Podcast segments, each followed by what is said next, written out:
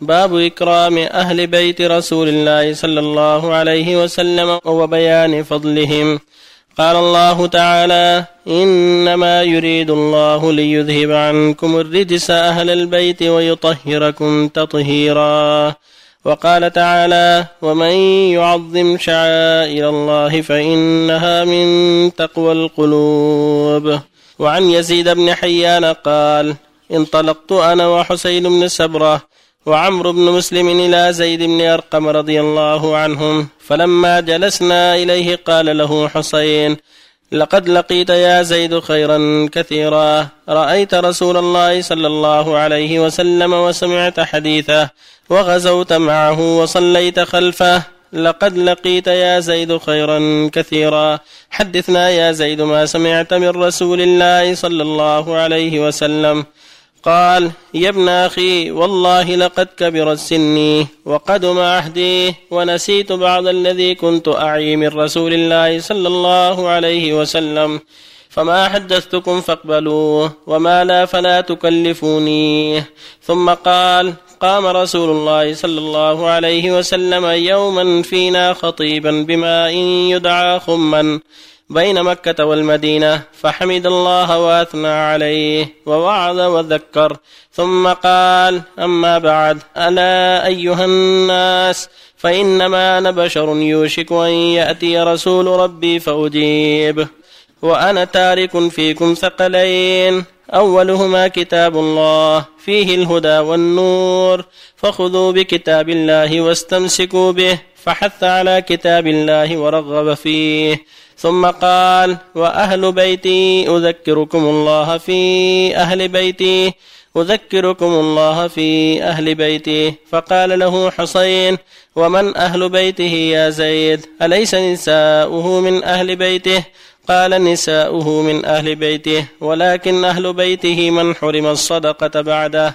قال ومن هم؟ قال هم آل علي وآل عقيل وآل جعفر وآل عباس. قال كل هؤلاء حرم الصدقة.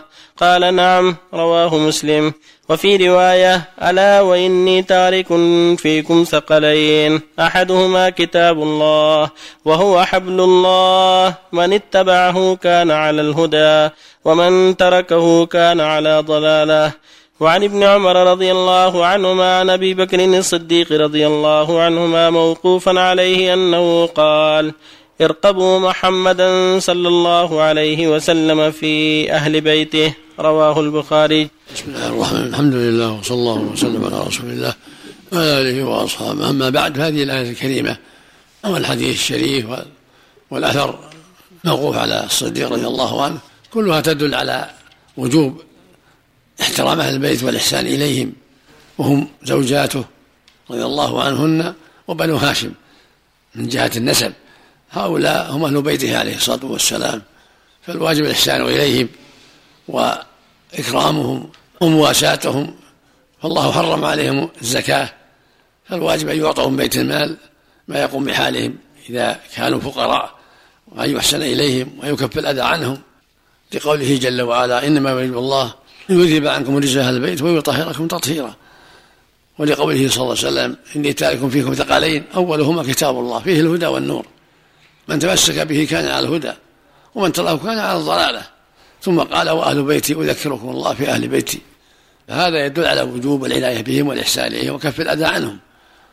لأن الرسول أوصى بهم فإكرامهم من إكرامه والإحسان إليهم من الاحسان إليه عليه الصلاة والسلام. إلا ما شرع الله من إقامة الحدود وغير هذا مما يجب عليهم وعلى غيرهم. وإلا فالواجب الإحسان إليهم.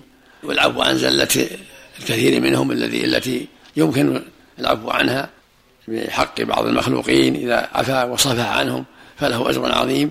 أما ما يتعلق بحدود الله فهي تؤخذ منه من غيرهم مثل ما قال صلى الله عليه وسلم إنما هلك من كان قبلكم أنهم كانوا إذا سرق فيهم شريف تركوه وإذا سرق فيهم الضعيف فقاموا عليه حد وإيم الله لو أن فاطمة بنت محمد سرقت لقطعت يدها. فما يجب من حقوق الله يجب عليهم وعلى غيرهم. ولكن الإحسان إليهم وكف الأذى عنهم ومواساة فقيرهم هذا هو الذي يجب على أهل الإسلام والإيمان حول أهل بيته من زوجاته في حياتهم ومن بني هاشم. وهكذا يقول الصديق رضي الله عنه ارقبوا محمدا في أهل بيته. ارقبوا يعني لاحظوا محمد وأحسنوا إلى أهل بيته ولا تؤذوه فيهم عليه الصلاة والسلام.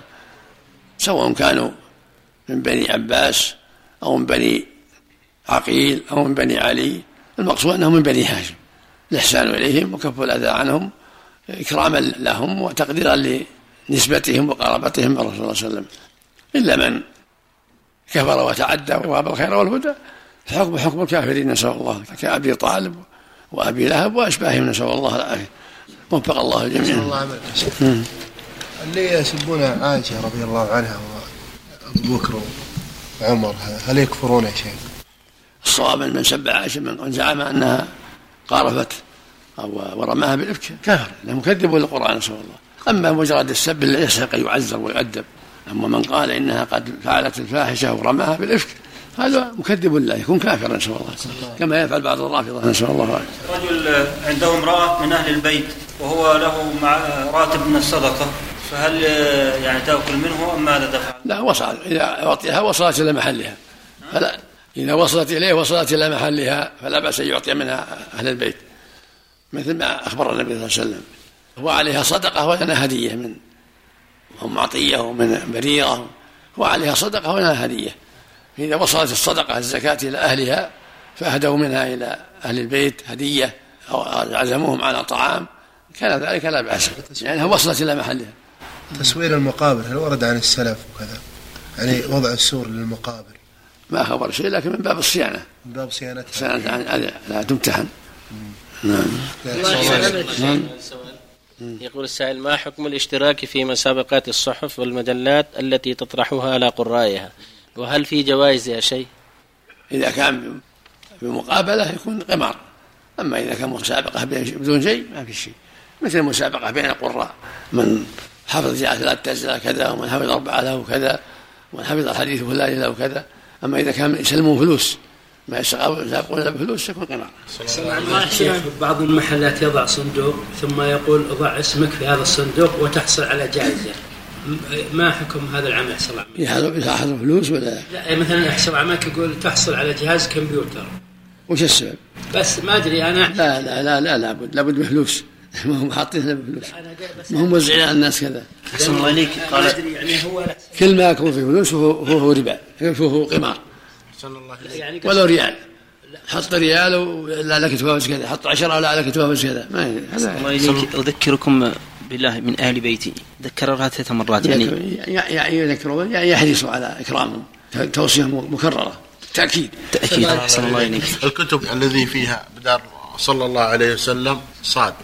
تشترى ولا تشترى لكن يصلحها اللي عنده يكملها صلى الله عليه وسلم طويله كل ولا ولا ما دام فيها فائدة يشتريها. الله يحسن عملك يا شيخ، هل يجوز للرجل تقبيل امرأته قبل التحلل الأكبر في الحج يا شيخ؟